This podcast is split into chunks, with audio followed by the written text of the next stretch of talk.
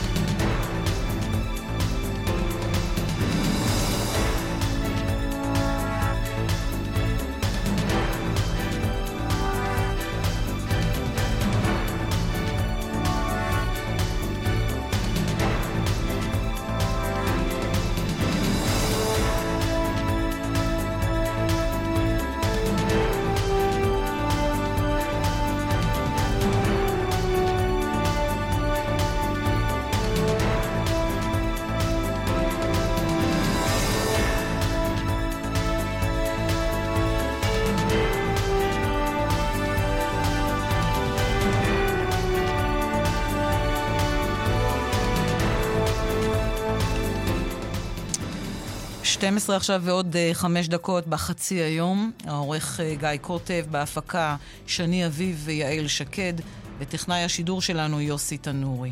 מיד כאן בחצי היום, ראיון בלעדי עם מתאם פעולות הממשלה בשטחים, האלוף רסאן עליאן. הוא ידבר איתנו על הפיגועים בחדרה ובאר שבע, על המעצרים, על דאעש ועל חומת מגן, המבצע מלפני 20 שנה שנמשך במידה מסוימת עד היום. הנה קטע קצר מדבריו של האלוף רסאן עליאן, עוד מעט הרעיון המלא.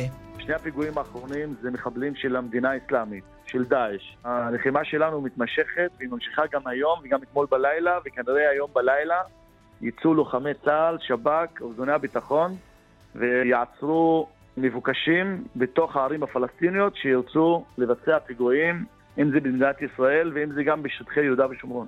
האיום של דאעש הוא איום לא רק כלפי מדינת ישראל ואזרחי ישראל, הם איום ממשי גם כלפי הפלסטינים המתונים, איום ממשי כלפי הרשות הפלסטינית. המדינה האסלאמית, האויב שלה הוא גם חמאס במקרה הזה, האויב שלו הוא גם הג'יהאד האסלאמי. עוד מעט אם כן, כאן בחצי היום, ראיון בלעדי, מתאם פעולות הממשלה בשטחים, האלוף המכהן רסאן עליאן. וגם כל העדכונים שאחרי הפיגוע בחדרה. נביא אותם כאן במהלך השעה הקרובה ובמהלך המשדר כולו. ונפתח, אה, לפני כל אלה, נפתח בשתי דרמות משפטיות שמתרחשות ממש בשעה האחרונה. אה, משפט נתניהו, דרמה שם, כשהתביעה מבקשת מהשופטים להכריז על עד המדינה שלמה פילבר כעד עוין, ועוד מעט גם נשמע על החלטת בג"ץ, גם היא דרמטית. בג"ץ למעשה מחייב את שרת החינוך אה, לתת את פרס אה, ישראל לפרופסור עודד גולדרייך, הוא יקבל את פרס ישראל בניגוד לעמדתה. בואו נתחיל איתך, עמוד שפירא, משפט נתניהו, בית המשפט המחוזי בירושלים, בהחלט דרמה, עד עוין? כן, שלום אסתי, אנחנו נמצאים עכשיו ברגע הדרמטי ביותר בעדותו של עד המדינה, עד התביעה מומי אה, פילבר, כאשר לפני שעה קלה נציגת המאשימה יהודית תירוש מבקשת מהשופטים להכריז על uh, פילבר כעד עוין ומכאן בעצם לחקור אותו בחקירה נגדית, זה אחת המשמעויות של ההכרזה הזו.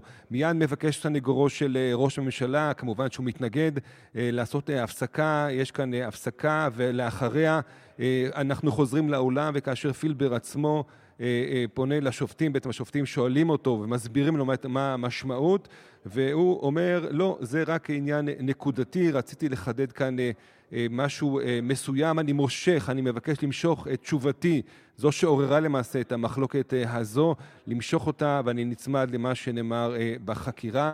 בכל אופן, סניגור של נתניהו אומר, אנחנו מתנגדים לחקירה שעטנזית, כך אומר, של ראשית ונגדית. העד הזה הוא עוין אותנו, יש פה סיפור שלם שהוא בדה אותו, הוא נמצא בהתמסרות כמעט מוחלטת לתביעה אה, וחוסר התמסרות בחלקים מהותיים לאמת. ככה בקיצור אה, נמרץ, אלו הדברים שנמצאים כאן בבית המשפט המחוזי, בהחלט אה, דרמה של ממש בעדות הזו, אבל כאמור הרכב השופטים עדיין, הוא זה, הוא זה שצריך להחליט, כאשר יש בקשה כזו, הוא זה שצריך להחליט האם אכן הוא הולך ומכריז עליו כעד אה, אה, עוין. כרגע הוא לא, עושה, הוא לא עושה את זה עדיין כך, הוא מסביר לו את העניין הזה, ופילבר, כך נדמה, לא רוצה להיות במצב כזה של עד עוין. אני אתחבר כאן לעוד כמה משפטים שאנחנו ככה אספנו לפני השידור הזה מתוך בית המשפט. הוא גם דיבר על כך אה, וזה דבר שהוא לא קשור לדרמה הזו, אבל צריך אה, להוסיף את העניין הזה, נקודה שהיא חשובה, הוא, אה, הוא ביחס שלו כלפי בזק, כן היה טיפול מיוחד, כך הוא אומר, אבל זה, הוא הסביר את זה אחרת, הוא הסביר את זה כגישה פתוחה שלו, והיו לו הסברים נוספים. אולי זה גם אחד מן הדברים שמצטברים ביומיים האחרונים, יומיים וחצי האחרונים אצל אה, הפרקליטות, אצל התביעה, שבעצם מביאים אותם לרגע הדרמטי הזה, כאשר מבקשים מהשופטים להכריז עליו כעד עוין. בשורה התחתונה עדיין הוא לא הוכרז, אנחנו נחזור כדי לראות מה קורה. עמוד שפירא, אתה תחזור אלינו עוד, ובהרחבה, גם בהמשך דרמה בבית המשפט המחוזי. משפט נתניהו, התביעה מבקשת להכריז על שלמה פילבר, אחד העדים החשובים ביותר במשפט הזה, עד מדינה, כעד אה, עוין. איתי שיקמן, כתבנו לענייני חינוך, שלום לך. שלום. ואתה אה, עם דרמה מבית משפט אחר, מבג"ץ. אה, בג"ץ, אפשר לומר, נגד שרת החינוך, שאשא ביטון, מחליט להעניק את פרס ישראל לפרופסור עודד גולדרייך, בניגוד להחלטתה של אה, שרת החינוך. כן, אם תרצי, אסתי, בג"ץ נגד שני שרי חינוך, גם יפעת שאשא ביטון וגם שר החינוך הקודם יואב גלנט. בסופו של דבר, התהליך הזה שנמשך כבר שנה בדיוק מאז שהוחלט במרץ 2021 להעניק את אה, פרס ישראל לפרופסור אה, עודד אה, גולדרייך, המתמטיקאי ואיש מדעי המחשב ממכון ויצמן, אז היום באופן סופי בג"ץ מקבל החלטה, אגב, בדעת רוב, לא בהחלטה של פה אחד, אלא בדעת רוב של השופטים עמית ווילנר, להורות לשרת החינוך לפעול על פי ההמלצה של ועדת פרס ישראל, להעניק את הפרס לשנת תשפ"א של שנה שעברה בתחום חקר המתמטיקה ומדעי המחשב לפרופסור אה, גולדרייך, נאמר, באותה החלטה של בג"ץ יש גם אה, דעת מיעוט של השופט נועם סולברג, שהוא טוען שלא הייתה עילה משפטית להתערבות בהחלטה של שרת החינוך. אני, אני מזכיר לך, אסתי, אה, הדבר הזה מתחיל בשנה שעברה, שמגלים אה, במשרד החינוך, אה, אחרי הענקת, אה, אחרי ההודעה שפרופסור גולדריך יקבל את פרס ישראל, שמדובר באדם שקרא להוציא את תנועת ה-BDS, או בעצם לקבל את תנועת ה-BDS בגרמניה ולהחרים את אוניברסיטת אריאל. שר החינוך הקודם, יואב גלנט, ביקש שלא להעניק לו את פרס ישראל. התהליך הזה כלל פרוצדורה משפטית ארוכה, שבסופו של דבר בקיץ האחרון הוא מגיע לפתחה של שרת החינוך הנוכחית, יפעת אה, שאשא ביטון, שמקבלת החלטה שהיא ממשיכה באותה דעה של יואב גלנט ולא רוצה להעניק לו את פרס ישראל. ועדת הפרס היא זו שעתרה לבית המשפט, ובסופו של דבר בית אה, המשפט העליון, בג"ץ, כאמור בדעת רוב של השופטים וילנר ועמית, מקבל את ההחלטה להעניק את פרס ישראל אה, לשנת תשפ"א לפרופסור עודד גולדרייך ממכון בית. איתי שיקמן, תודה. מצטרף אלינו עורך דין מיכאל ספרד שלום, מי שמייצג את הפרופסור גולדרייך. צהריים טובים. מה תגובתו? כי אותו לא הצלחנו להשיג עדיין. אמ, טוב, האמת היא שגם לי היה קשה להשיג אותו. הוא קשה להשגה, הוא לא עונה. אבל אולי אני יכול אה, להשתמש בכם רגע, ומעל גלי האתר, כמו שאומרים לך, יגיד לעודד מזל טוב. מזל טוב על הפרס, ובעיקר מזל טוב על שהוא הצליח להיגרר שנה וחצי בפרשה הזו, שהוא לא ביקש אותה, הוא איש אה, נחבא אל הכלים, צנוע, אה, כפי שאת רואה, גם לא מחפש את אור הזרקורים. אה, צנוע, נחבא אל הכלים, מאוד מוכשר בתחומו, אבל אדם כזה לא ראוי לפרס ממלכתי, אומרת שרת החינוך, כי הוא חתם על עצומה להחרים את אוניברסיטת אריאל ותמך לכאורה בתנועת החרם ה-BDS. הוא ראוי? רק תיקון עובדתי, הסיפור של ה-BDS הוא פשוט לא נכון. Mm-hmm. והוא הבהיר את הנקודה הזו, הוא לא תומך בתנועת ה-BDS, הוא אה, אה, חתם על מכתב שיחד עם, אה, אגב, עשרות אה, אקדמאים אחרים, שאומרים שלא כל אנשי תנועת ה-BDS הם אנטישמים. אפשר לחשוב באיזה אסון. אבל אה, אז תראי, למה התעקשו לא- איתו כל כך? למה רצו למנוע ממנו שני שרי חינוך את הפרס הזה, הפרס החשוב הזה? משום שבמדינת ישראל יש תהליך של שנים, של הפללה של השמאלנות. להיות שמאלני היום זה כמעט עבירה פלילית. והתהליך הזה, יש לו הצלחות, ויש לו פה ושם גם נסיגות, ואני חושב שפסק הדין הזה הוא איזושהי נסיגה חשובה. אבל בואו נסתכל על הפרשה כמכלול. בפרשה הזו כמכלול, אה, הנזק אה, נגרם, והפסק הדין של היום מתקן את העוול שנגרם לפרופסור גולדרייך, אבל הוא לא מתקן באופן מלא את הנזק שנגרם, כי בואו נחשוב על איזה אמרת אה, לא, שטוענים שלא מגיע לו את הפרס. אם לעודד גולדרייך לא, הוא לא אה, מועמד ראוי לפרס, אז חצי מהעם פה לא ראוי להיות מועמד לפרס. משום שעודד גולדרייך מחזיק בעמדות, יודעת מה, לא חצי עם, פחות מחצי עם, בסדר? אבל זה לא איזה מיעוט, מיעוט סהרורי. יש לנו ויכוח, ויכוח גדול בתוך החברה הישראלית, הוא מתנהל כבר עשרות שנים, על עתיד ההתנחלויות ועתיד הכיבוש, ובתוך הסיפור הזה יש רבים מאוד שחושבים שההתנחלויות זה פשע, ושאסור לשתף איתם פעולה, ושאסור לתרום לכלכלת ההתנחלויות. אז אם כל אלה לא יכולים להיות מועמדים לפרס ישראל, אז פרס ישראל הוא לא פרס ישראל, הוא פרס של ממשלת הימין. ואם זה מה שאנחנו עושים, בסדר, אבל היוקרה של הפרס טובה לגמרי. ולכן הסיפור פה באמת הוא לא עודד גולדרייך, הסיפור פה הוא איך אנחנו מנהלים את הוויכוחים אה, הפנימיים בינינו. עורך דין אה, מיכאל אה, ספרד, מי שמייצג את אה, הפרופסור עודד גולדרייך, תודה רבה לך. תודה, אסתי.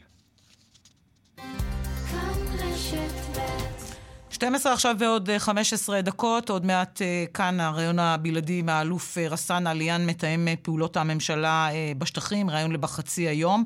כל העדכונים אה, עכשיו אה, באשר אה, לפיגוע בחדרה, וגם לקראת הרמדאן. בכיר בחמאס מזהיר את ישראל לבל תגביל מתפללים בכניסות להר הבית ברמדאן. אומר שמדובר בקו אדום. חמאס קורא לציבור הפלסטיני והערבי-ישראלי להפגין מחר לרגל יום האדמה. שלום לגל ברגי, ראש תחום הפלסטינים.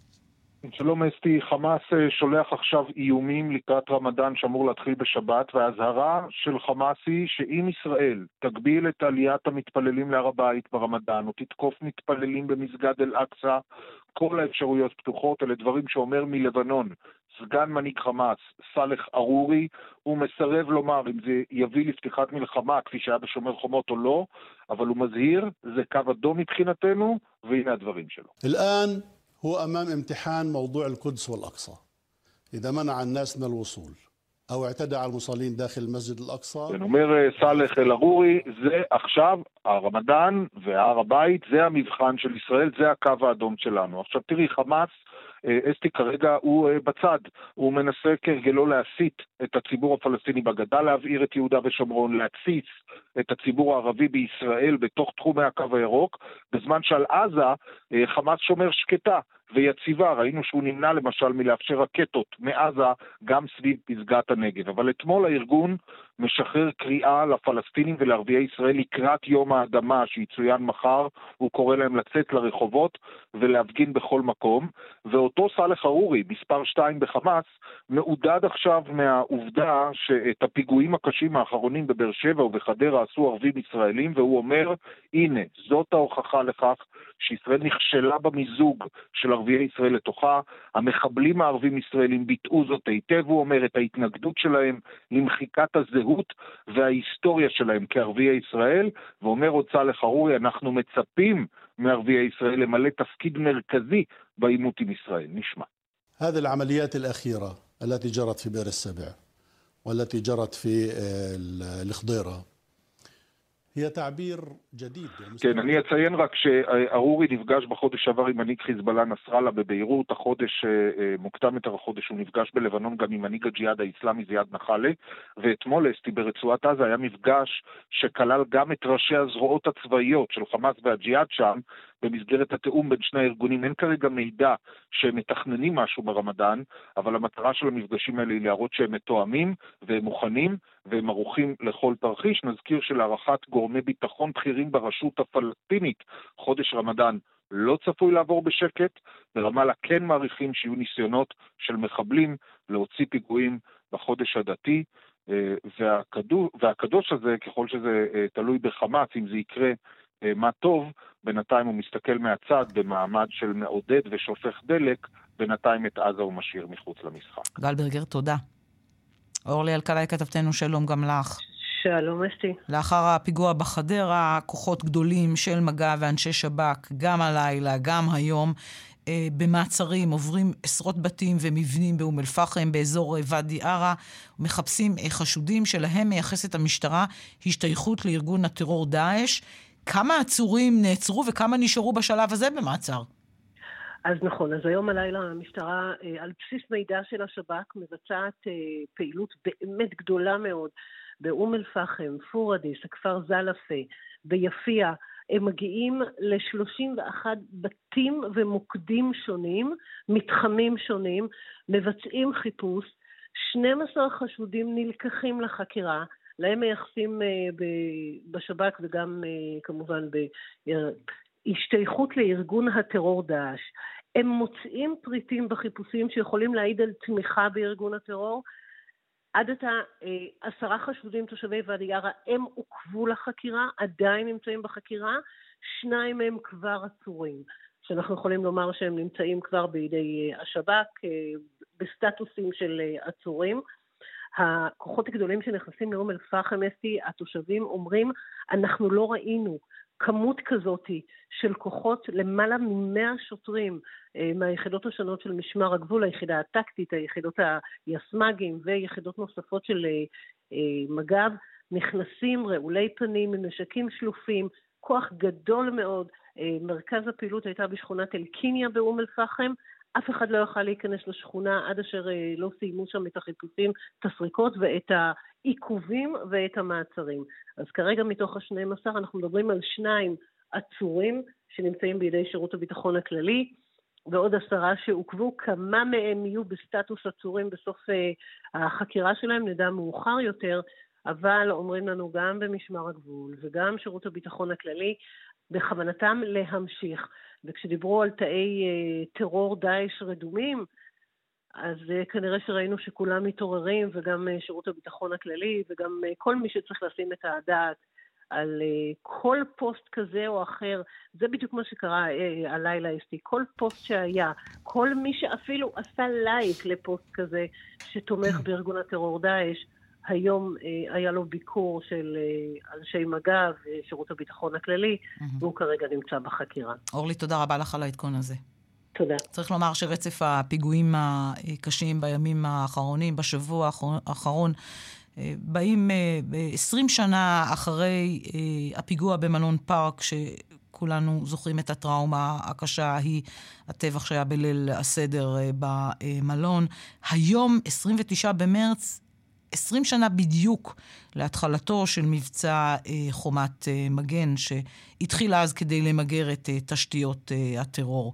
הנה שיחה שהקלטנו לפני שעה קלה, ראיון בלעדי לבחצי היום עם האלוף רסאן עליאן, הוא מתאם פעולות הממשלה בשטחים. שלום למתאם פעולות הממשלה בשטחים, האלוף רסאן עליאן.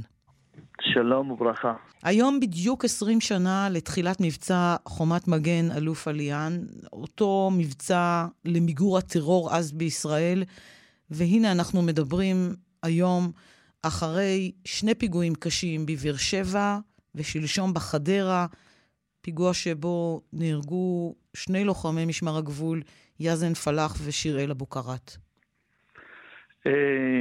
אה, אסתי, תרשי לי קודם כל אה, לפתוח וברצוני למסור אה, תנחומיי למשפחת הנרצחים ולאחל החלמה מהירה וככל האפשר לכלל הפצועים, גם חיילים וגם כאזרחים. המזל הגדול היה שם שלא היה טבח המוני כפי שהשניים, המחבלים, תכננו, כי לוחמי מג"ב שהיו שם, המסתערבים, יצאו וחיסלו אותם? אה, אפשר להגיד, אה, לשמחתנו, לצערי, בתוך, ה... בתוך האירוע המאוד מאוד קשה הזה, אה, ואנחנו חיים במדינה שכל אחד מאיתנו צריך באופן תמידי, בוודאי בתקופות מהסוג הזה, להיות ערני ולפתוח את העיניים, ולשמחתנו, מדינת ישראל היא מדינה קטנה, וכמעט בכל מקום שאתה, אה, שאתה מגיע אליו יש, אה, אה, יש חיילים לשעבר, יש חיילים שמשרתים, יש אנשי משטרה, וכן, הימצאות של, של לוחמים של הימ"ס. ואנשי ביטחון האחרים הביאו, לשמחתנו, לאירוע שיגמר בשני הרוגים, ולא ייגמר בעשרות הרוגים או עשרות נפגעים. זה חיינו, זה המצב שאנחנו נמצאים בו כרגע, ועם זה אנחנו צריכים להתמודד. מיד נחזור לחומת מגן 20 שנה אחורה, אבל אני רוצה עוד רגע להתעכב בכאן ועכשיו ולשאול אותך, האם מבצע חומת מגן צריך אתחול מחדש? מבצע חומת מגן 2, כמו שנשמעים קולות עכשיו בציבור. תראי, קודם כל, אה, אה, אני לא חושב שאנחנו נמצאים אה, בגלים, בגלי טרור כפי שאנחנו זכינו לראות אותם, גם כקצין צעיר בצבא, בשנות ה-2000 עד 2002 ו-2003. אני לא בטוח גם שאנחנו צריכים להגיע, חס וחלילה, לסיטואציה הזאתי, ואז נקבל החלטה. הלחימה בטרור מאז שנת 2000, כולל חומת מגן ב-2002, ואנחנו 20 שנה אחרי חומת מגן, עד היום הזה, באמת באמת חומת מגן לא נגמרה באופן uh, טוטאלי, אלא הלחימה בטרור בתוך יהודה ושומרון, הלחימת טרור בכל הגבולות שלנו. אנחנו מקיימים אותם יום-יום, לילה-לילה. מבצעים הרבה מאוד מעצרים, פוגעים בטרור כמעט בכל מקום שאנחנו רוצים לפגוע בו. ולצערי הרב, בתוך ה... אה, בתוך המרחב שלנו אה, יש כל כך הרבה אנשים שרוצים לפגוע, והנה לנו, שני הפיגועים האחרונים זה מחבלים של המדינה האסלאמית, של דאעש, שמחליטים אה, באמצע היום לצאת כל אחד מסיבותיו וללכת ולפגוע בישראלים במרכזי הומי אנשים. זה לא אומר ש... שאנחנו צריכים אה, ברגע הזה אה, אה, לצאת למבצע רחב בתוך יהודה ושומרון, אלא אני חושב שהלחימה שלנו מתמשכת והיא ממשיכה גם היום וגם אתמול בלילה, וכנראה היום בלילה יצאו לוחמי צה"ל, שב"כ, ארגוני הביטחון, ויעצרו מבוקשים בתוך הערים הפלסטיניות שירצו לבצע פיגועים, אם זה במדינת ישראל ואם זה גם בשטחי יהודה ושומרון. מה שמטריד כאן במיוחד היא העובדה אה, שהמפגעים האלה, וגם המפגע מבאר שבע, יצאו מתוך ישראל, אזרחי מדינת ישראל, ולא תושבי השטחים. לצערי, לצערי הרב, אה, מי שמשוייך אה, לארגון אה, טרור כמו המדינה האסלאמית ודאעש כנראה לא בוחל בשום דבר, והאסטרטגיה שלהם והאסטרטגיה שלו עצמו, המחבל, זה ללכת ולפגוע באנשים שאולי שונים ממנו, באנשים שהם חיים את החיים שלהם, הוא רואה את החיים אחרת לגמרי, וזו אה, משימה לא פשוטה, זו משימה קשה. ממקום שאנחנו חושבים שהוא המקום הכי בטוח, יוצאים שלושה מפגעים, ולכן זה דורש מאיתנו כמערכת ביטחונית, מערכת ישראלית, אה, אה, לרכז מאמץ סביב אותם, אה, אותם אנשים שקמים בוקר אחד ורוצים לפגוע, ויש לנו את היכולת לעשות את זה, ואני בטוח שבימים הקרובים, ובכלל בתקופה הקרובה, אנחנו נרכז מאמץ ואנחנו נצליח להגיע לכל מי שינסה או יחשוב לפגוע, וכמו שאומרים, בביטחון אין במאה אחוז, ולפעמים יש דברים גם קורים לצערי הרב, אנחנו צריכים, המשימה שלנו לצמצם ככל האפשר, וכן לשאוף להגיע ל-100% ולתת ביטחון מיטבי, מרבי, לאוכלוסייה של מדינת ישראל. מתאם פעולות הממשלה בשטחים, האלוף רסן עליאן, אני לוקחת אותך 20 שנה אחורה.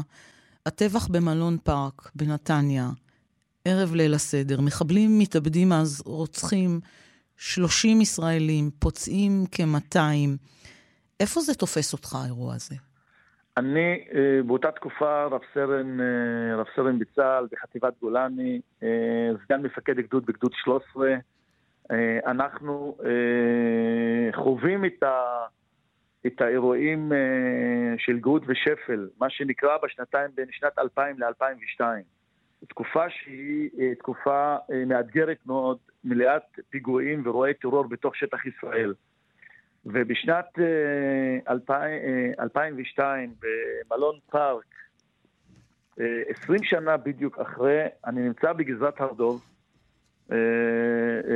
בגבול הצפון. המשימה של הגדוד להגן על גבולה הצפוני של מדינת ישראל. באותה תקופה גם גזרת הר הייתה מאוד מאוד חמה. Mm-hmm. וחיזבאללה באותה תקופה לוקח חלק פעיל בפרוץ חומת מגן ובפיגועים שהפלסטינים עשו. הוא גם לוקח חלק, ו... ואני זוכר תקופה ארוכה מאוד של ירי טילים, ירי פצמ"רים, אה, התקפות על מוצבים שלנו בתוך, אה, בתוך אה, הר דוב. זה אומר במקביל לדברים שקורים ביהודה ושומרון, חיזבאללה מנסה לפגוע בגבול הצפוני כמעט באופן יומיומי. שם אני נמצא. אתה נמצא שם, אלוף עליאן, ואחר כך מהגזרה הצפונית אתה מגיע עם חייליך לג'נין. אתם מגיעים לג'נין אחרי טראומת הריגת 13 אה, המילואימניקים שם. טראומה נכון. של כל המדינה.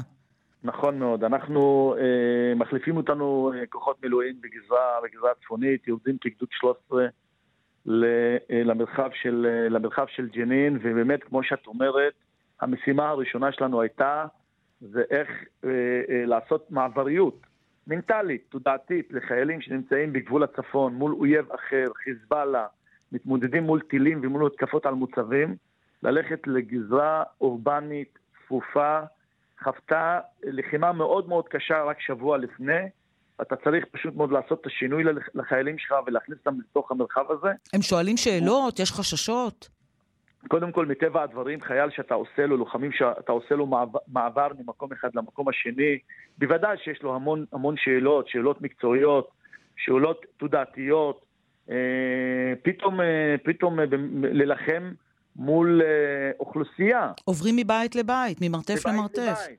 אתה, אתה נע בין ההריסות, אתה נע בין, בתוך הסמטאות, אתה חובב, אתה עובר דרך משפחות שהן נצורות שם תקופה מאוד ארוכה.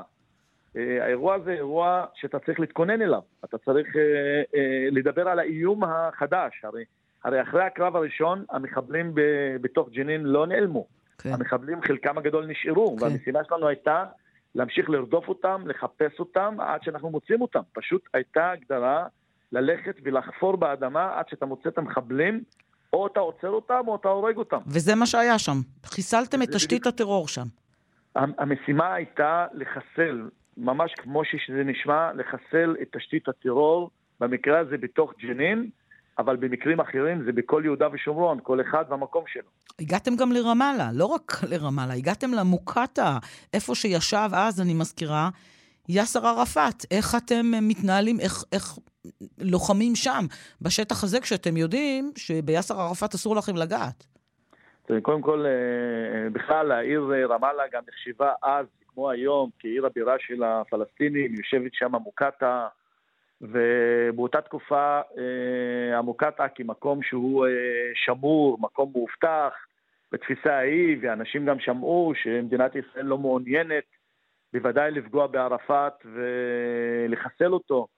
אז אה, לחימה אה, מאוד מדויקת להגיע לשם, וגם אם אתה משתמש בטנקים, בטילים, אה, איך אתה עושה את המשימה הזאת ואתה נלחם במחבלים שיורים עליך מהרבה מאוד כיוונים, ואתה צריך להגיע ולהשתלט על, אה, על המוקטעה, לחפש את המבוקשים שהיו שם, אבל גם לזכור אה, באותו, אה, באותו זמן איך אתה באמת לא פוגע בערפאת. דורש מיומנות מאוד מאוד גבוהה, דורש מעורבות... אז מה, עברתם חדר-חדר חוץ מהחדר של ערפאת? כן, הם פשוט מאוד עברו חדר-חדר, כמו שמחפשים מחפשים מבוקשים במקומות אחרים, ו... ועד שהגיעו למרחב שערפאת נמצא בו. לסיום שיחתנו, אלוף רסאן עליאן, מתאם פעולות הממשלה בשטחים, אני רוצה לקחת אותך מאז להיום ולשאול אותך על אה, מה עשה המבצע הזה עד היום, ואם אנחנו רואים בו, אה, וראינו ביממות האחרונות, בקיאים, כי נכנסו גם כוחות חדשים שלא היו אז בתמונה, כמו דאעש למשל. תראי, קודם כל אה, חשוב מאוד להגיד שמבצע חומת מגן, אמנם ההשתלטות על, ה, אה, על הערים הפלסטיניות והלחימה בתוך הערים והמחנות הפליטים וקצבאות, זה היה תקופה אולי מתוחמת בזמן, אבל אם אנחנו מסתכלים על מבצע חומת מגן, חשוב מאוד לציין שזה מבצע שנמשך ונמשך ונמשך. אפשר להגיד אפילו אפילו חלקו, חלקו ממשיך היום. הכוונה שלי, הפעילות האינטנסיבית שמבוצעת כל לילה, גם היום, בתוך יהודה ושומרון, סביב ארגוני הטרור, נמשכה הרבה מאוד שנים. אחרי ההשתלטות התחילה המשימה הסיזיפית, הקשה, האינטנסיבית, ללכת כל לילה ולעצור מחבלים. אז חשוב מאוד קודם כל לציין את זה, כי לפעמים אנחנו עלולים להתבלבל ולהסתכל על רק משימת ההשתלטות. אבל האירוע הזה היה אירוע מתמשך לאורך שנים. בגלל זה גם הוא הביא תוצאה, מה שנקרא כיסוח הדשא. הביא לתוצאה מאוד מאוד טובה בפעילות של הצבא, של השב"כ, של המשטרה, של כל ארגוני הביטחון. היום, אה, קודם כל המציאות ביהודה ושומרון זה מציאות שהולכת ומשתנה, מציאות אזרחית אחרת לגמרי. יש לנו רשות פלסטינית שיש לה דירקטיבה שהיא דירקטיבה אה, ברורה של אה, נכון לעכשיו, הדבר הזה יכול להשתנות. אה, דירקטיבה שהיא מחייבת את ה... את ה... אולי הזרם המתון, זה לא מחייב את חמאס והג'יהאד האסלאמי שקמים בבוקר ומחפשים דרכים לחסל את מדינת ישראל או לפגוע בישראלים. ויש שיתוף פעולה, אנחנו... ויש שיתוף פעולה פורה איתם, עם הרשות? תראי, התיאום הביטחוני והאזרחי קורה בצורה טובה מאוד. התיאום האזרחי הוא אינטרס משותף. גם של, אה, של מדינת ישראל, אבל בוודאי של הרשות הפלסטינית. האיום של חמאס, של ג'יהאד האסלאמי ושל דאעש, מה שנקרא בימים האחרונים, הוא איום לא רק כלפי אה, מדינת ישראל ואזרחי ישראל, הם איום ממשי גם כלפי הפלסטינים המתונים, איום ממשי כלפי הרשות הפלסטינית. המדינה האסלאמית היא לא... אה, האויב שלה הוא גם חמאס במקרה הזה, האויב שלו הוא גם הג'יהאד האסלאמי.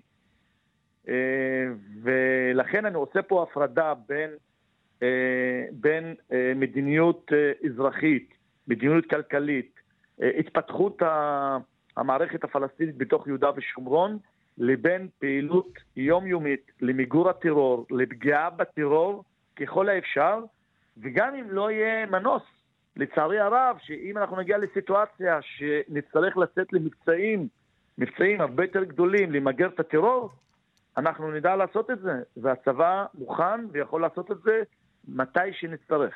אני חושב שחשוב ברעיון הזה גם לציין את uh, אותם uh, מפקדים ואותם לוחמים uh, שלקחו חלק בחומת מגן גם במבצעים של השנים הראשונות, אבל בכלל כל חיילי צה"ל שלקחו חלק במיגור אחת התופעות הכי מורכבות באותה תקופה של טרור רצחני, טרור המתאבדים.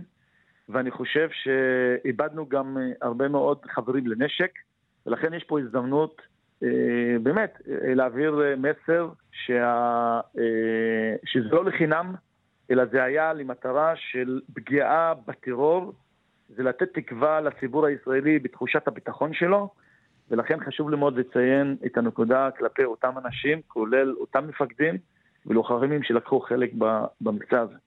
האלוף רסאן עליאן, מתאם פעולות הממשלה בשטחים, תודה רבה לך ששוחחת איתי. תודה גם לכם, תודה. 12 עכשיו ועוד 37 דקות, פרסומות, ואנחנו ממשיכים. 12 ועוד 40 דקות עכשיו. אנחנו בדיוק אה, יממה אחרי הצהרות אה, שרי החוץ שהתארחו כאן בפסגת הנגב. אתמול שמענו את ההצהרות וניתחנו אותן, והיום אנחנו אומרים אה, שלום לדוקטור דורי גולד, שלום לך. שלום. הנשיא של המרכז הירושלמי לענייני ציבור ומדינה, אני מזכירה למאזיננו, היית מנכ"ל משרד החוץ והיית שגריר ישראל באו"ם, וגם uh, היית uh, יועץ, uh, יועץ של uh, ראש הממשלה, יועץ מדיני של ראש הממשלה. נתניהו בזמנו. אני רוצה לשאול אותך, היה, היה מרגש אתמול, היה תקדימי, אבל מה יצא מהפסגה הזו, כמו שאתה רואה? היו הרבה מפגשים כאלה בעבר, ולא היה משהו לאחרונה, לכן האנשים אה, כן התלהבו, ויש בזה הישג. אבל ההישג האמיתי, אני חושב שאנחנו לא רואים. ועצם העובדה שהיה כינוס כזה, ובו זמנית היה עלייה דרמטית באירועי הטרור נגד אזרחי ישראל, השאיר uh, קצת טעם רע בפה של הרבה אנשים. בוא, בוא ננסה, הדוקטור גולד, אה, לבחון אחת לאחת את מה שקיבלנו בפסגה הזאת, כי נדמה לי שלא קיבלנו אפילו מעט ממה שהיינו יכולים לצפות. למשל, בעניין איראן. זה הדבר הבולט ביותר, אולי החשוב ביותר. כרגע האמריקאים עובדים במרץ להשלים הסכם חדש, להחליף את ה-JCPOA מ-2015. א', הם לא כל כך uh, משיגים את זה, ויש תנאים חדשים, כמו uh, מחיקת איראן מהרשימה של uh, מדינות וגופים שתומכים בטרור. ובמיוחד משמרות המהפכה. שזה לא ייאמן, שהאמריקאים רוצים להוציא, להוציא, אני רק רגע סוגריים, את משמרות המהפכה מרשימת ארגוני הטרור, ואתמול וגם שלשום שמענו ממש התחמקות של שר החוץ האמריקני בכל העניין הזה. לא יצאה איזושהי אה, הודעה אה, מסודרת שאולי האמריקאים חוזרים בהם, לא, הוא אמר זה לא בסמכותי, זה הנשיא צריך לקבוע. כי דרך אגב, לאט לאט פרטים יוצאים מי זה המשמרות המהפכה. את זוכרת את הפיגוע אה, בביירות אה, ב-83, כאשר אה, גופים שאחרי כן הפכו להיות חיזבאללה תקפו את המפקדה של המרינס, זה היה משמרות המהפכה. את זוכרת את המתקפה בסעודיה, אה, שתקפו את מה שקראו מגדלי אה, חובר, הרגו מרינס שם, מישהו, או אנשי, סליחה, אנשי חיל אוויר בעיקר. מישהו זוכר את זה? זה משמרות המהפכה. אז איך יכול להיות, איך יכול להיות שגם בעניין הגרעין, אין שום איזשהו שינוי בגישתה של ארצות הברית, וגם לא שמענו אתמול, אחרי הפסגה הזו, המאוד אה, אה, חגיגית ומיוחדת, לא שמענו שום עניין, שום שינוי בעמדתה, וגם לא בעניין משמרות המהפכה. אגב, שני עניינים, גם הטרור וגם הגרעין, לא מעסיקים רק את ישראל, הם מעסיקים את העולם כולו, ובטח מעסיקים את מדינות ערב, שחוששות לא פחות מאיתנו. במיוחד שמשמרות המהפכה היו פעילים בחתרנות האיראנית אה, כל השנים, וצריכים אה, לפקח על מה הם יעשו בעתיד. אני רוצה להגיד לך דבר אחד, ב-2015, שגמרו את המשא ומתן על ההסכם הקודם, על ה-JCPOA עם איראן, אה, יש כמה גופים ששמו לב שהייתה עלייה, אפילו דרמטית, של מספר הפיגועים ומספר הארגונים השייכים לאיראן שפעלו בכל המזרח התיכון. ואתה לא רוצה תוצאה שפתאום האיראנים יתחילו להרגיש, אה, ah, יש לנו אמצעים חדשים, בוא נלך על גל חדש של טרור.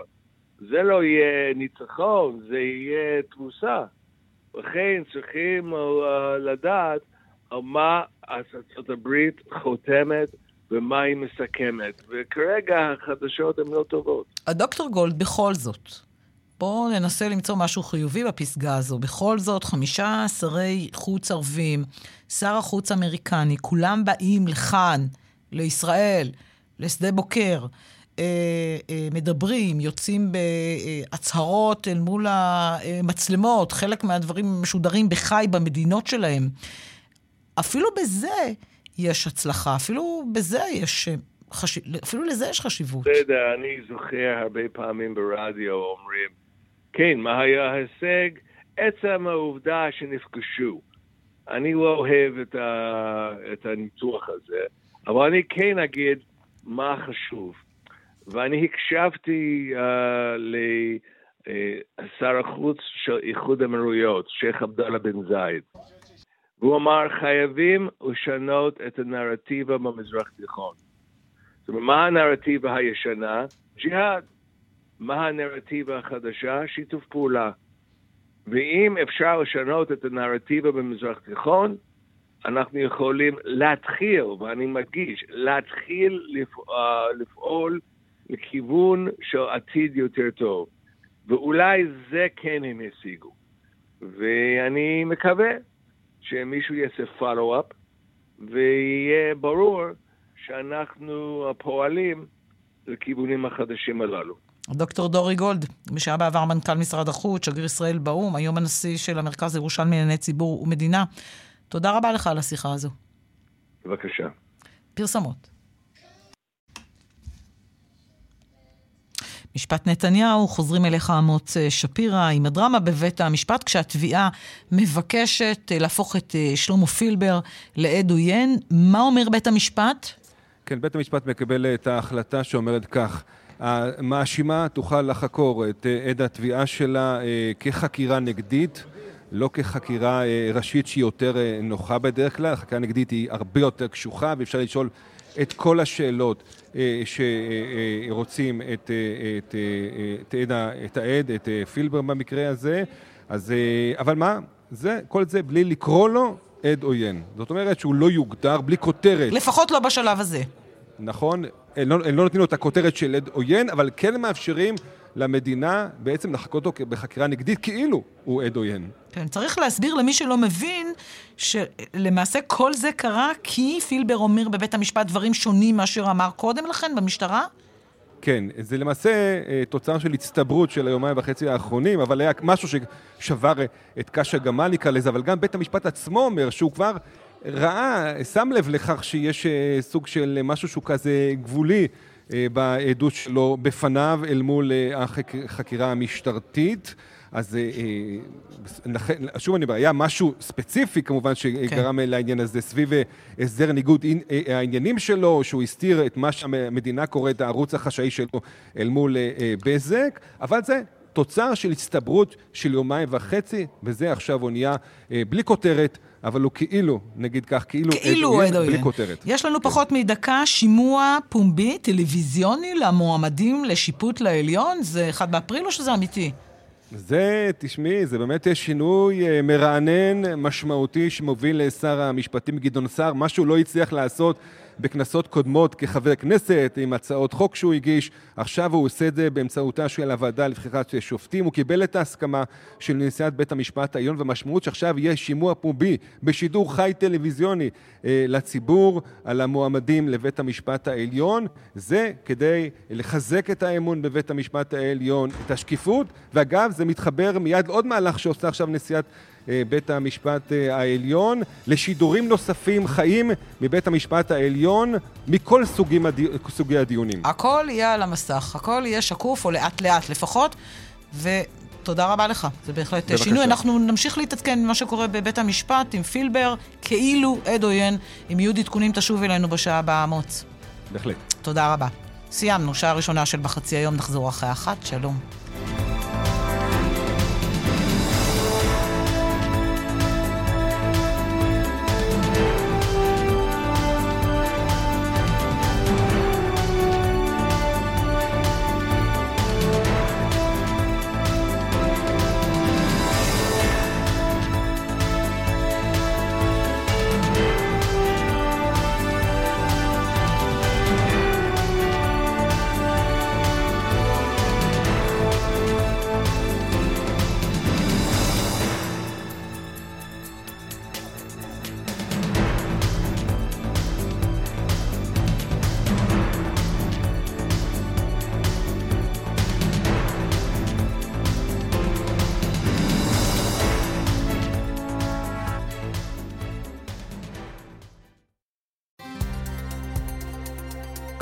רשת ב' אסתי פרז בן עמי. כאן רשת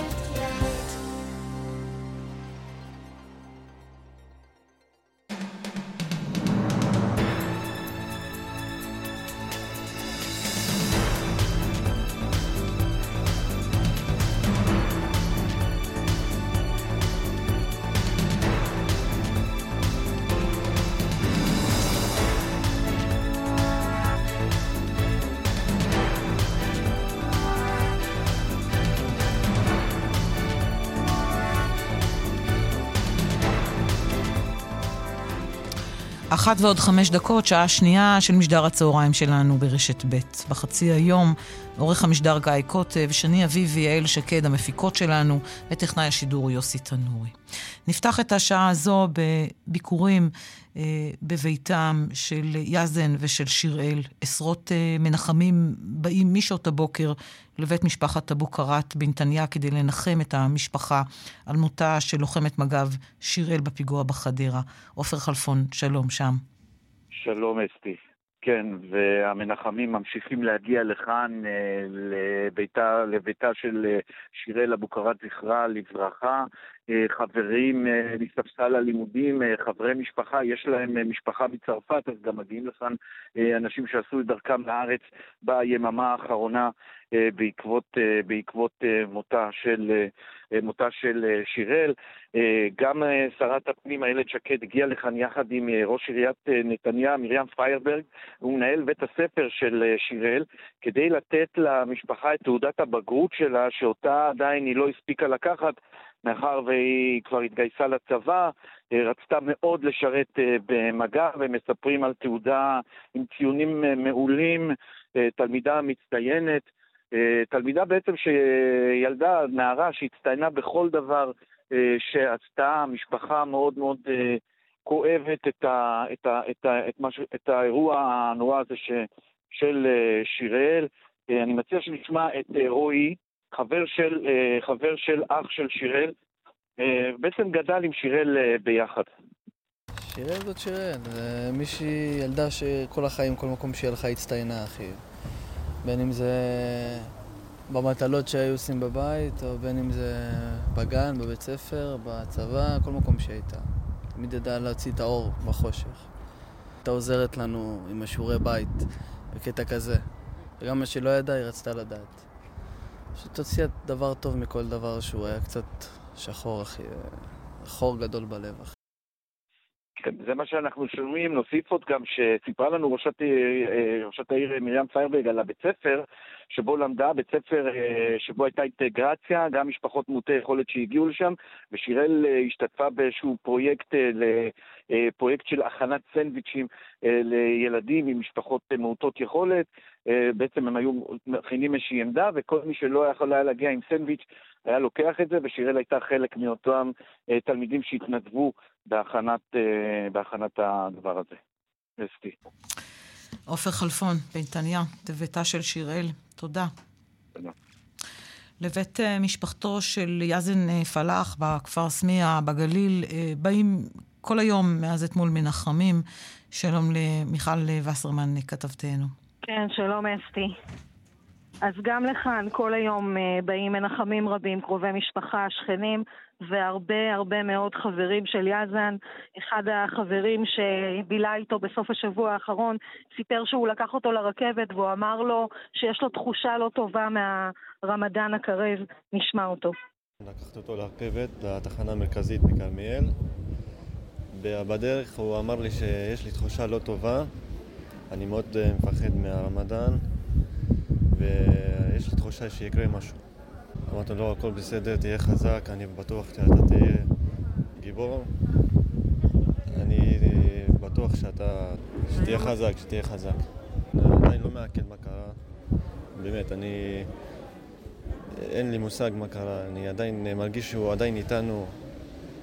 זה מאוד מאוד כואב, שובר לי את הלב.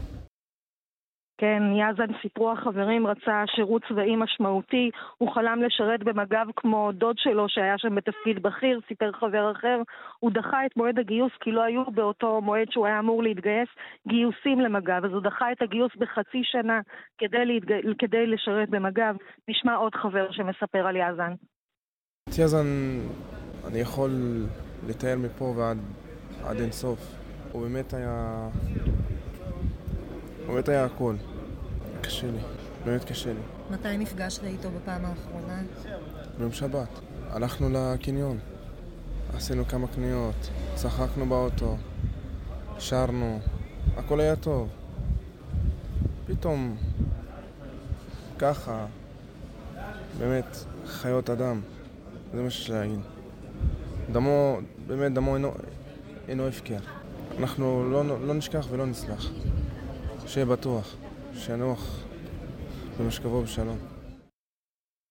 כן, עכשיו אה, ממשיכים להגיע גם עכשיו לבית המשפחה עוד מנחמים, בהם אה, הורים שכולים שאיבדו את הבנים שלהם בלבנון, באים אה, להשתתף בצער המשפחה. אלה הדברים מכאן, מהגליל. מהבית של יאזן בסמיה. מיכל, תודה. איציק זוארץ, באר שבע, שלום. שלום אסתי. איתך אנחנו הולכים שבוע אחורה אחרי הפיגוע בבאר שבע, המשפחות קמו מהשבעה. וראש העירייה רוביק דנילוביץ' מכנס היום מסיבת עיתונאים. אני מאשים, אפשר לקרוא לה, דברים חריפים מאוד, הוא אומר, אה, כלפי אה, גורמי האכיפה וכלפי הממשלה.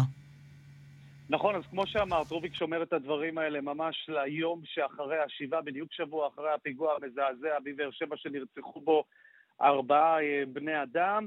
ובאמת, אה, כמו שאמרת, יותר משעה ארוכה רוביק אה, מדבר, פורס את הדברים שלו, כמו שאמרת, את האני מאשים שלו, תוקף את הממשלה על אוזלת היד שלה, בעיקר את הקיפאון, על כך ששום דבר לא מתקדם, המצב נותר כפי שהוא, לא מוצגת שום תוכנית לשינוי המציאות, המציאות, אין מדיניות, כל אחד מפיל את האחריות על השני.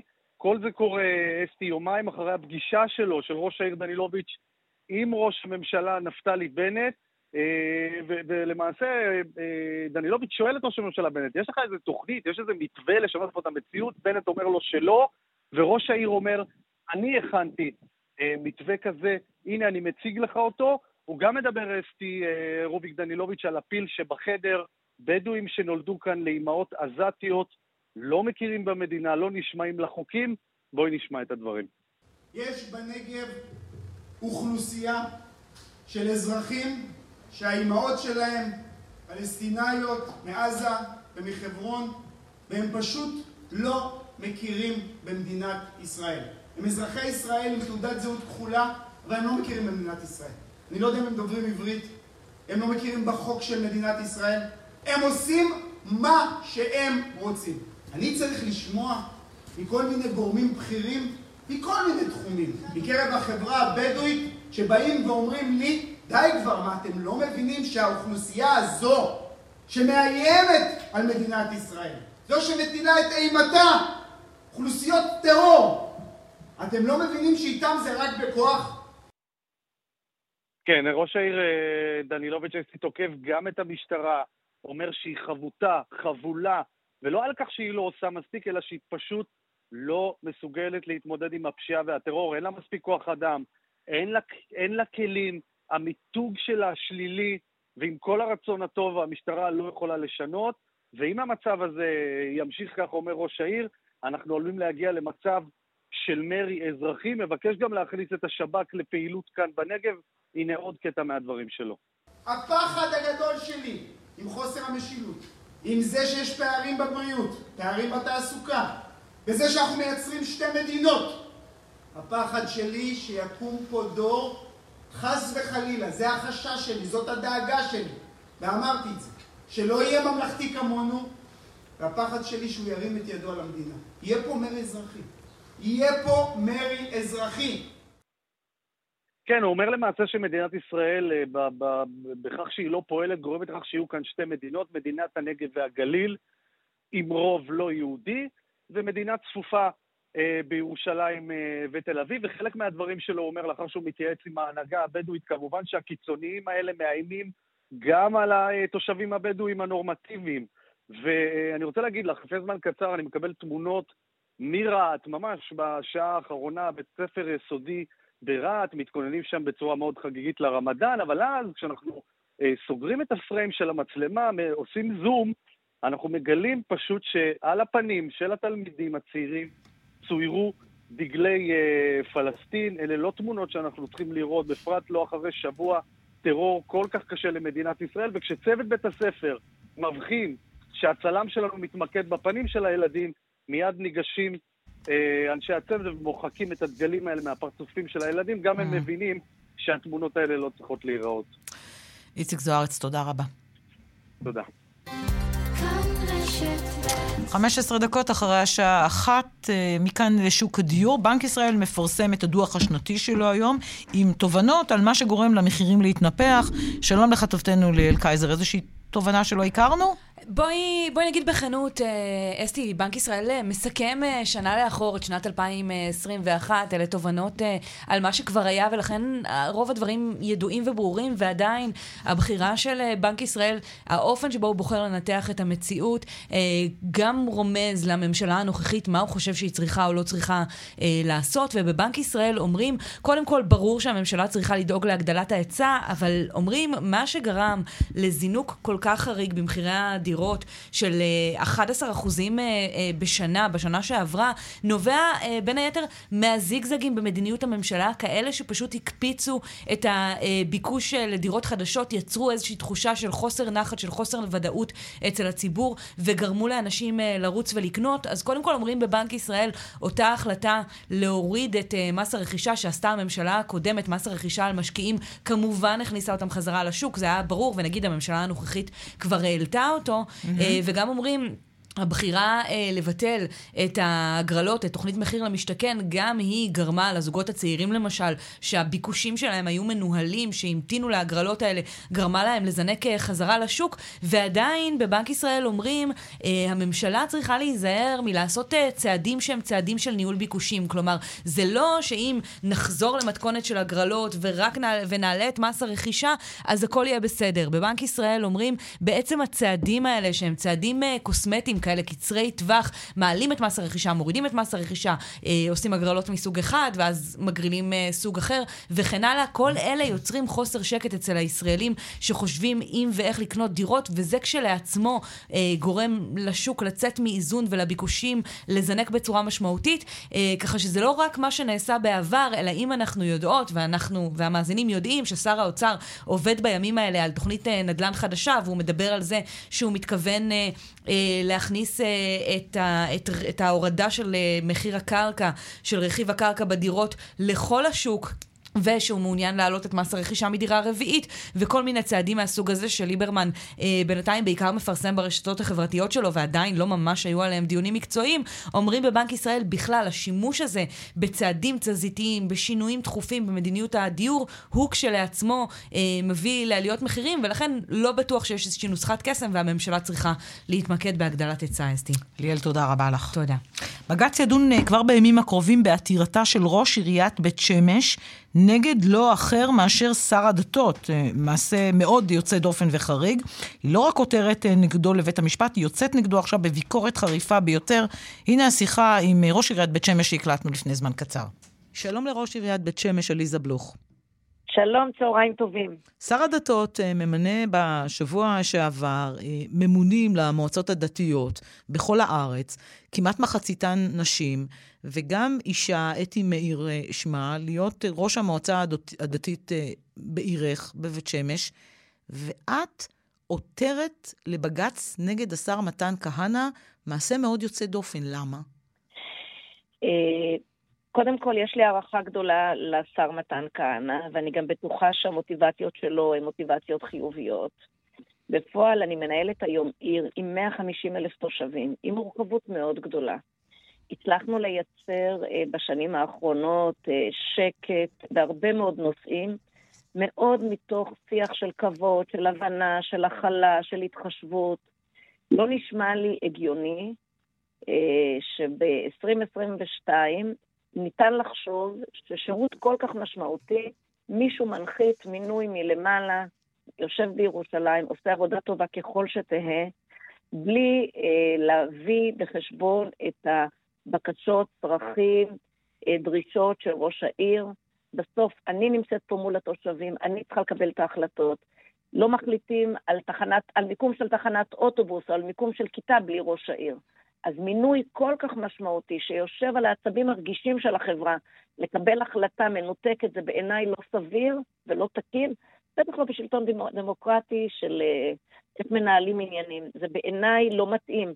עכשיו, בית שמש היא כבר לא כפר קטן שאפשר לחשוב שמישהו יכול לנהל אותה אה, כמו לפני 70 שנה. זאת עיר גדולה, עיר שעסוקה בפיתוח כלכלי, אנחנו בונים אזורי תעשייה, מקימים. רק אתמול הוועדה המחוזית במינהל התכנון אישרה פה מרכז לוגיסטי ענק אה, של רשת פוקס שמגיעה לבית שמש. אני עסוקה בזה, העיר בפריחה. אי אפשר להתייחס אליה כאיזו שכונה שמישהו מנחית איזה מינוי ראוי או לא ראוי ככל שיהיה, זה לא רלוונטי. את יוצאת נגד ההחלטה החד-צדדית למעשה. אבל ספרי לי מעבר להחלטה החד-צדדית, איפה הבעיה כשאת מדברת על מרקם היחסים ועל ניהול של עיר של 150 אלף? את חוששת מהעובדה שאם אישה תעמוד בראש המועצה, אז זה ייצור לך בעיות uh, בעיר או במועצה? אני חושבת שבית שמש כבר לא צריכה להוכיח שלא מפחדים מנשים בתפקידים בכירים. זה אנחנו נכון. אנחנו כבר לא שם. אז אני כבר, אני חושבת שאני פטורה מהשאלה הזו. אה, בית שמש, להפך, התושבים של בית שמש ידעו לבחור אישה, הם לא צריכים שינחיתו עליהם מלמעלה. אבל מועצה דתית זה משהו אחר. זה כמו כל שירות, אני חושבת שהעובדה של אישה או אישה היא לא רלוונטית. אני מעולם לא רציתי שמישהו יבחר בי, לא בגלל שאני אישה ולא למרות שאני אישה. אני באופן כללי נגד לשים נשים כנשים בתפקידים, אלא לבחור את הטובים ביותר לכל תפקיד, לכל משימה. אני חושבת שאנחנו במקום אחר, ובית שמש כבר הוכיחה את זה. ולכן זה לא האירוע מבחינתי. האירוע מבחינתי זה תהליך שצריך לבוא בהסכמה, בהבנה, לא מרחיתים על ראש עיר, דברים כאלה. Mm-hmm. אני נציגת הציבור בעיר, הוא בחר בי כדי להוביל תהליכים. המועצה פה בעניין, לא יכול להיות שמדלגים על כל המועצה, על כל התהליכים ומנחיתים פה מינוי. אפילו לא בהיוועצות, אפילו לא בחשיבה משותפת. זה בעיניי אה, לא מתאים בשום צורה. אני יכולה רק להניח, אה, ראש עיריית אה, בית שמש עליזה בלוך, שלפני שהגשת עתירה לבג"ץ, שזה צעד דרסטי, ניסית נכון. לפנות אל השר, אולי דיברת איתו אגיד, אפילו. פניתי לשר, פניתי למנכ"ל שלו, ניסיתי, אמרתי, חברים, בואו נשב, בואו נדבר, בואו נמצא פתרונות. אה, לא עושים דברים כאלה. זה חריג מאוד, אני בן אדם מאוד ממלכתי. אה, זה חריג מאוד שאני מגישה אה, עתירה, אבל אני חושבת שלפעמים שלטון המקומי צריך להגיד עד כאן. אז מה אמר לך השר, או שלא הייתה פגישה בכלל?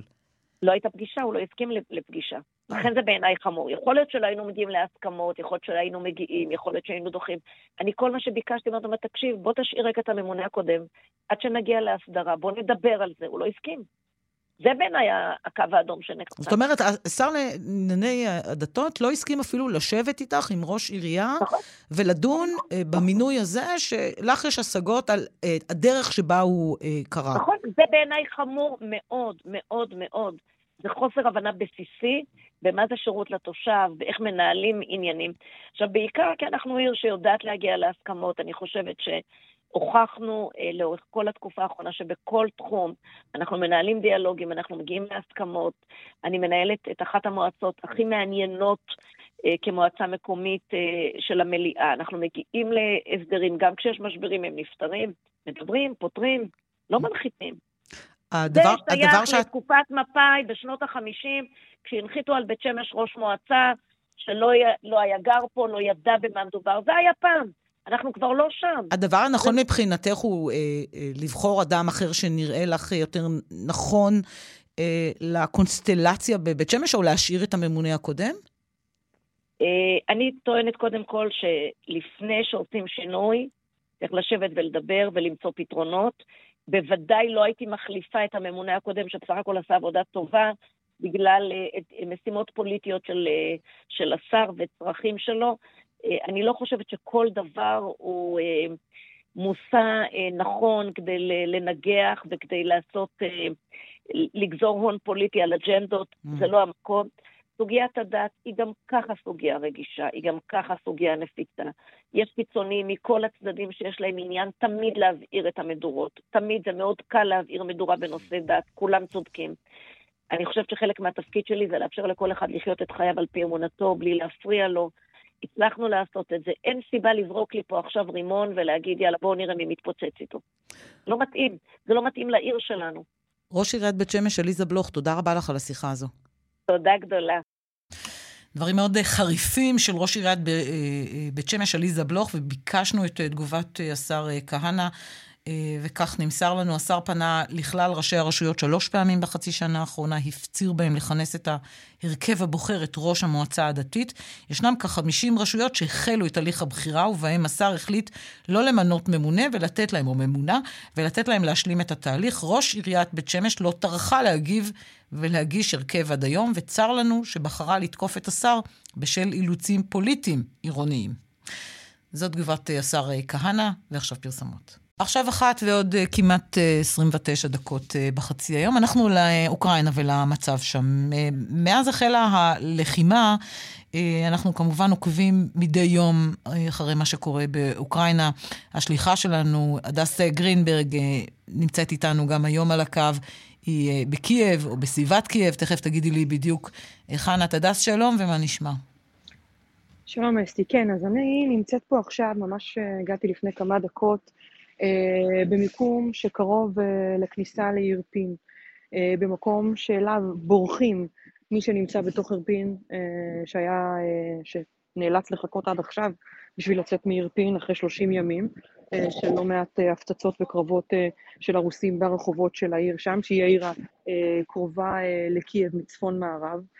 אנחנו פוגשים פעם, פוגשת כאן באמת סיפורים אסטי קשים של משפחות עם ילדים, שמתארים איך נפלו להם פצצות מסביב לבית, ואיך כדורים חוררו להם את הקירות בבית, ואיך הם פשוט לא יכלו לזוז בכלל אה, מהמקלט, אה, אה, למי שבכלל יש מקלט, יש כאלה טוענים שגם לא היה להם את זה, פשוט הסתתרו באחד החדרים, שכבו על הרצפה ואפילו לא הרימו את הראש, לפעמים כמה ימים בעקבות הקרבות הקשים אה, שם.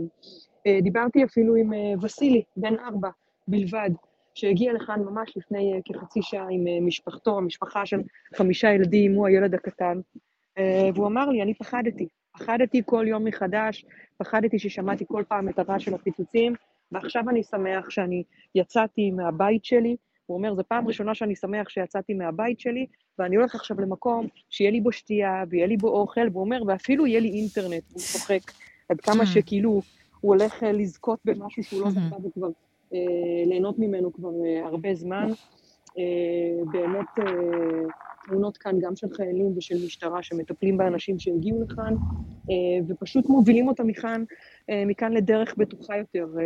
חלק ילכו לכיוון קייב וחלק פשוט ירחיקו אותם כמה שיותר לכיוון המערב. זו הנקודה שבה בעצם מגיעים האנשים שבורחים מירפין, מבוצ'ה, מהוסטומל. הדס גרינברג, תודה רבה לך עם האנשים שנמלטים אה, ובורחים. אה, בדרך אל השקט שלהם, לפחות אה, מחפשים אחריו. תודה רבה ותשמרי על עצמך, הדס. תודה, אסתי. והתחלנו להגיד שישראלים רבים מאז החלה הלחימה באוקראינה יוצאים לשם, יוצאים לגבולות, לסייע ככל שהם יכולים לפליטים, והיום תפסנו אחד מהם, יוצא דופן. ביום-יום, בשגרה, הוא מנכ"ל של חברת תוכנה אה, ישראלית מצליחה מאוד, והנה שם במשך השבוע האחרון הוא עומד אה, בדוכן של קפה, תה ומזון אה, וחיוך, הוא מסייע לפליטים. הנה השיחה איתו. שלום לשלומי בן חיים, המייסד ומנכ"ל ג'יי פרוג. שלום, בוקר טוב. תופסים אותך אחרי אה, שבוע אה, עמוס ורב פעילות במעבר מדיקה על גבול אוקראינה. ספר מה עשית שם. אה, אני יחד עם אה, צוות אה, של עשרה עובדים מחברת JFrog החלטנו להצטרף לעמותת לב אחד ולפעול בשטח. במשך תקופה מסוימת עקבנו אחרי המשבר, הבנו שישנם הרבה פליטים שעוברים במעברי הגבול לפולין. תרומות ועזרה מרחוק זה נחמד, אבל רצינו להיות בשטח. אז אתה ועוד עשרה אה, עובדים טסתם אה, לפולין, הגעתם למעבר הגבול, ומה עשיתם שם במשך שבוע? ספר על הפעילות. קודם כל, הדבר המדהים אה, שאתה נחשף אליו, זה שבשבוע אחד מאוד אינטנסיבי, בימים מאוד ארוכים, אתה נחשף לכל הטוב שבאנושות ולכל הרע שבאנושות.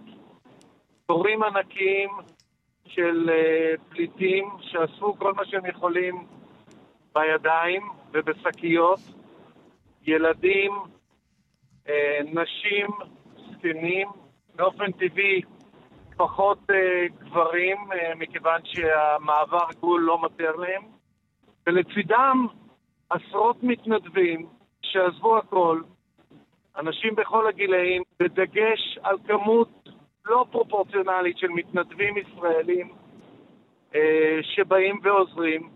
אם זה מתחיל בחלוקת אה, מים וציוד חם בשעות הקרות יותר, אה, אוכל ואספקה, וכלה בלקחת אה, אנשים מהתור עם תינוקות מתחת לגיל שנה או זקנים או נכים או מוגבלים בהליכה ולעבור איתם את כל הדרך. ואני יכול לומר לך שיש לכל אחד מהעובדים של ג'ייפוג הרבה יותר חותמות של אוקראינה ופולין בדרכון מאשר כל דבר אחר שהיה לנו עד עכשיו.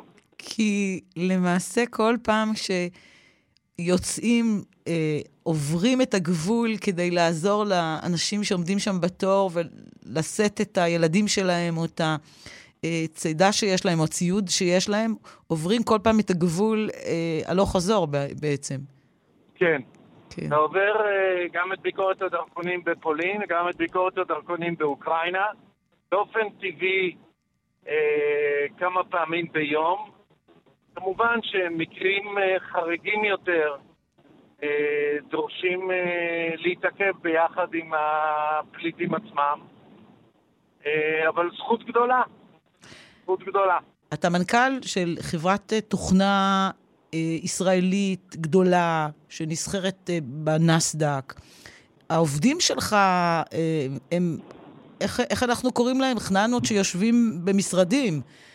איך שכנעת או שלא היה צריך לשכנע את החבר'ה לקום ולבוא למעבר מדיקה אוקראינה? העובדים שלי, אני קורא להם לוחמי הכלכלה אה, בצ'פוג היום יש אה, כ-1,100 עובדים בעולם, ב-15 מדינות, שהרמנו את היוזמה הזאת אחרי שגם תרמנו למאמץ מרחוק והחלטנו ששום תרומה לא תהיה אותנטית כמו הרגליים שלנו בשטח. תוך שבוע, תוך שבוע, היו עשרות מתנדבים האמת היא שהמשלחת הזאת הייתה צריכה לסנן אנשים על פי אה, כאלה שדוברים את השפה, אה, מוכשרי אה, אה, קורסים של חובשים בצבא. עשינו אה, בשבוע, הרמנו משלחת שאם עכשיו אנחנו נצטרך לעשות עוד אה, ארבע או חמש משלחות, יש עובדים שישמחו לעשות את זה. אולי קוראים להם מחננה בתעשייה, משהו אחד. בתקופת הקורונה, הכלכלה הישראלית, אני חושב שנתמכה חזק מאוד על ידי חברות התוכנה, ובתקופת המשבר באוקראינה, אנחנו אוטוטו שוכחים מהקורונה, אני רואה חברות כמו ג'ייפרוג, שדבר ראשון שהן עושות זה שולחות uh, צוות על מטוס לאוקראינה, לא על המחשב, לא על המקלדת, ידיים בבוץ, מפנים זבל, נותנים בקבוקי שתייה, עוזרים לאנשים זקנים, מחבקים אנשים בגבול, מחבקים ילדים, נפרדים בדמעות מאנשים שאנחנו בכלל לא מכירים, על אדמה שלפני 70 שנה הייתה אדמה עוינת לישראלים או ליהודים כמובן. ספר על חוויה אחת אישית שלך, דמות אחת שנצרבה, מבט עיניים אחד, שיחה אולי? וואו, אה, תופסת אותי בדרך לשדה התעופה, רצים לי עוד הרבה מאוד uh, פרצופים. אני חושב שאני מדבר בשם כל הצפרדעים, שאני אומר שכמובן שבאופן טבעי הפנים של הילדים הם uh, הדמויות שנצרבות לך בראש. ילד שנפרד מאבא שלו בגבול כי אבא שלו לא יכול לעבור את הגבול, uh, ועושה איתו פייסטיים כבר ממדינה חדשה, uh, זה כמובן משהו שמחזיק אותך. דמות ספציפית שתפסה אותי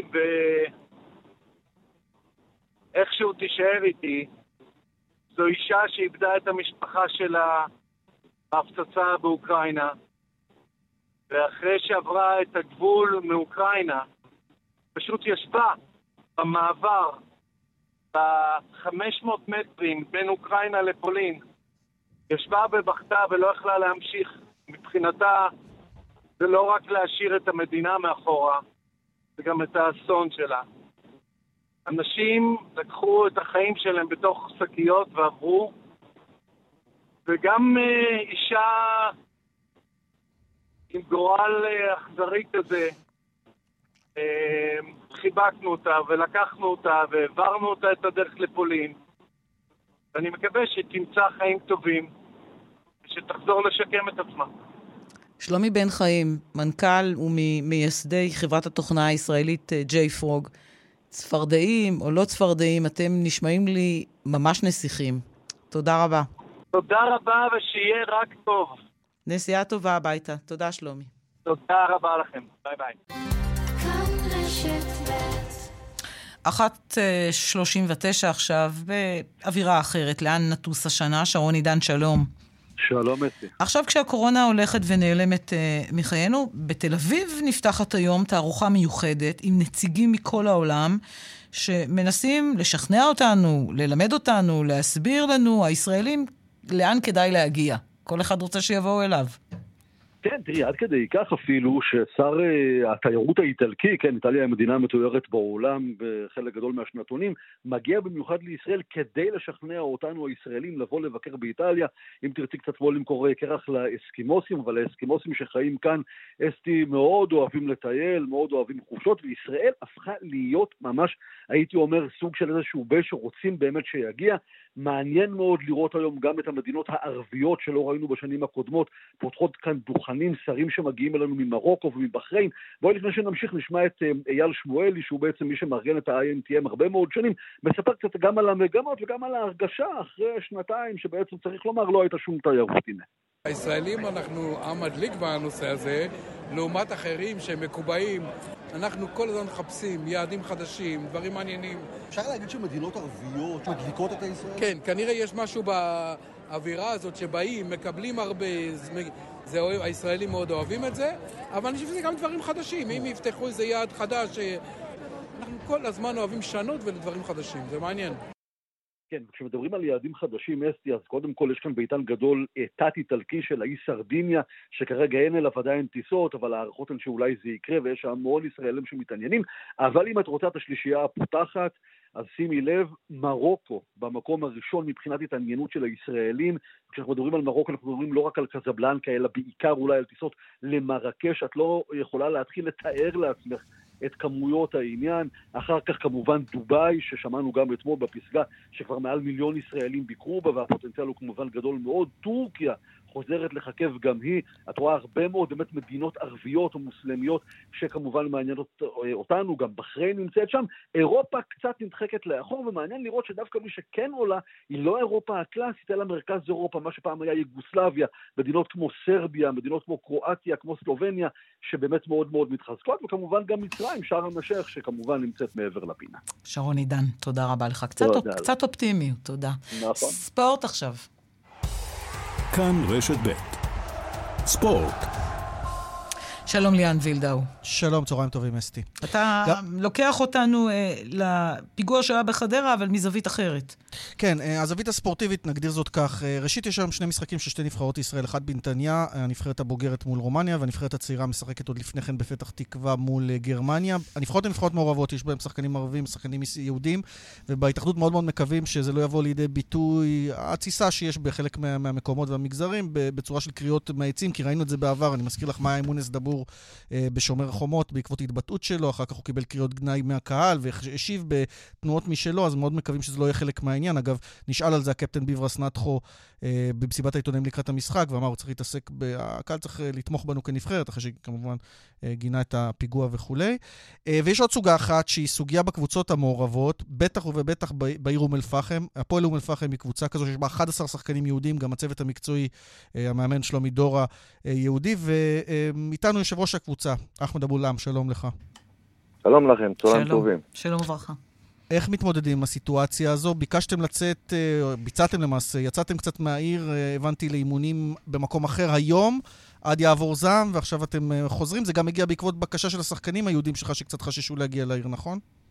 כן, היום יצאנו מחוץ לעיר, התאמנו בפרדיס, באזור חיפה, מחר תהיה אמירה לשחקנים אה, היהודים והערבים וכולם ביחד, חוזרים להתאמן אה, באום אל-פחם, יש שחקנים יהודים שכבר משחקים אצלי שלוש וארבע שנים, מכירים כל פינה בעיר, מכירים את הכל בעיר, אין ממה לחשוש, אין ממה לדאוג. הגנאי שיצא עקב הפיגוע הזה היה גנאי שאין פה שום גמגום, אין פה... שום בן אדם שרצה להתייפייף, כולם מרגישים את זה, כולם מרגישים שהדברים יצאו מהלב, ולשחקנים מחר תהיה אמירה באום אל-פחם. אתה אבל מבין את החשש של השחקנים, נכון? למרות העובדה שאתה אומר אין ממה לחשוש. אה, אנחנו מכירים כן, בעבר בטח, את הסיטואציות ו... האלה.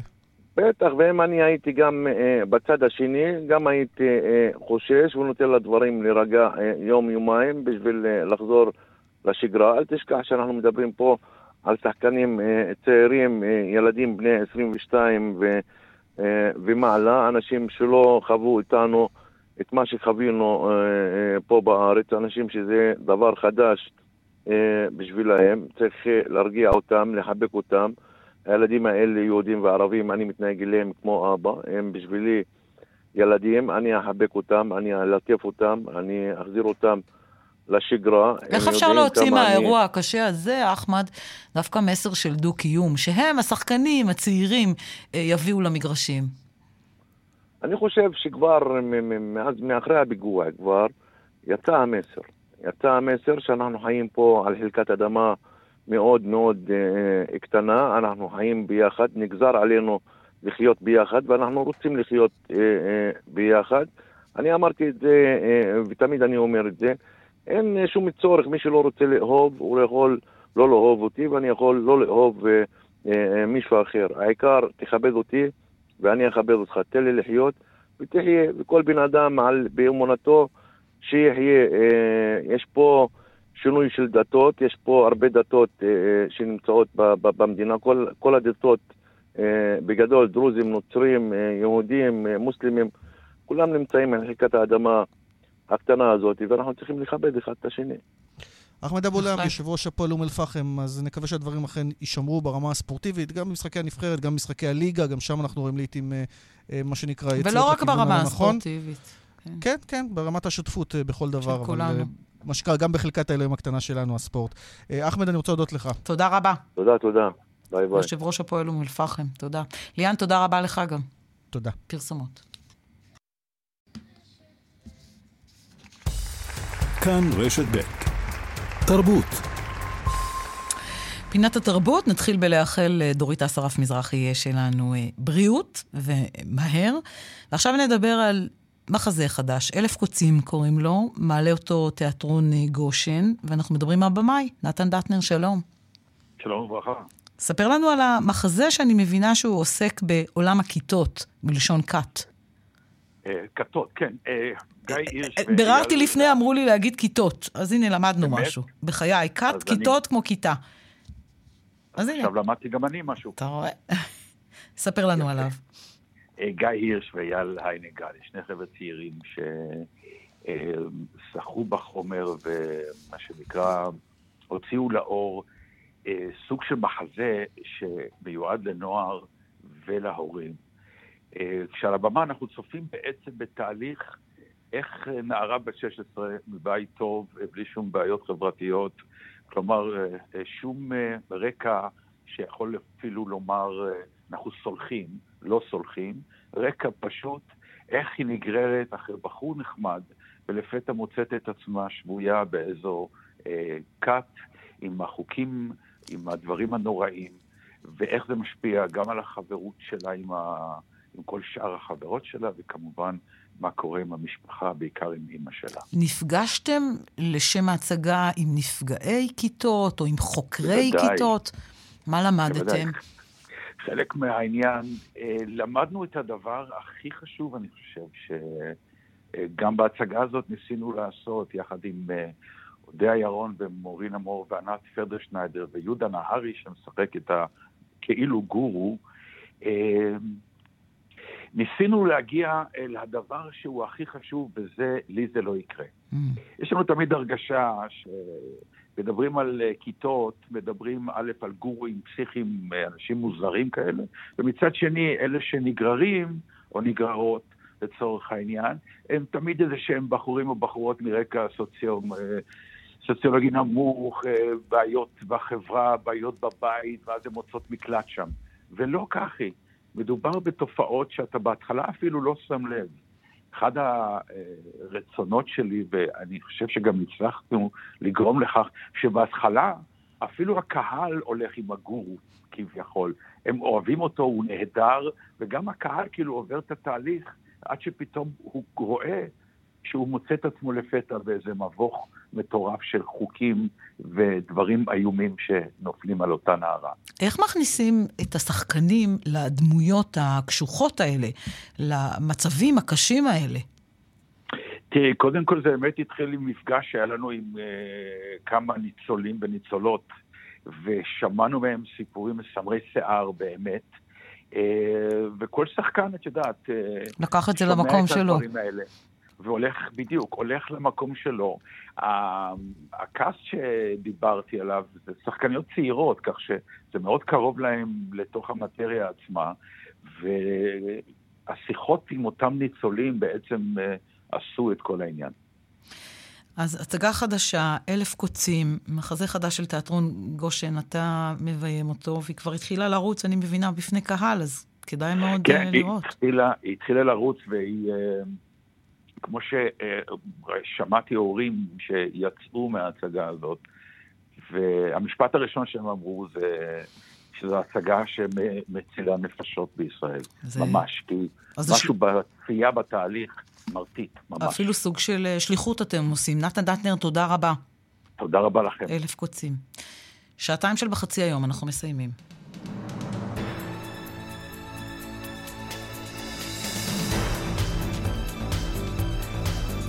עורך המשדר גיא קוטב, בהפקה יעל שקד ושני אביב, יוסי תנורי, קרן בר ורוני נאור טכנאנו, אורית שולץ ושמעון דוקרקר בצוות באר שבע, בדיגיטל אני לוי, כאן באולפן אסתי פרז בן עמי.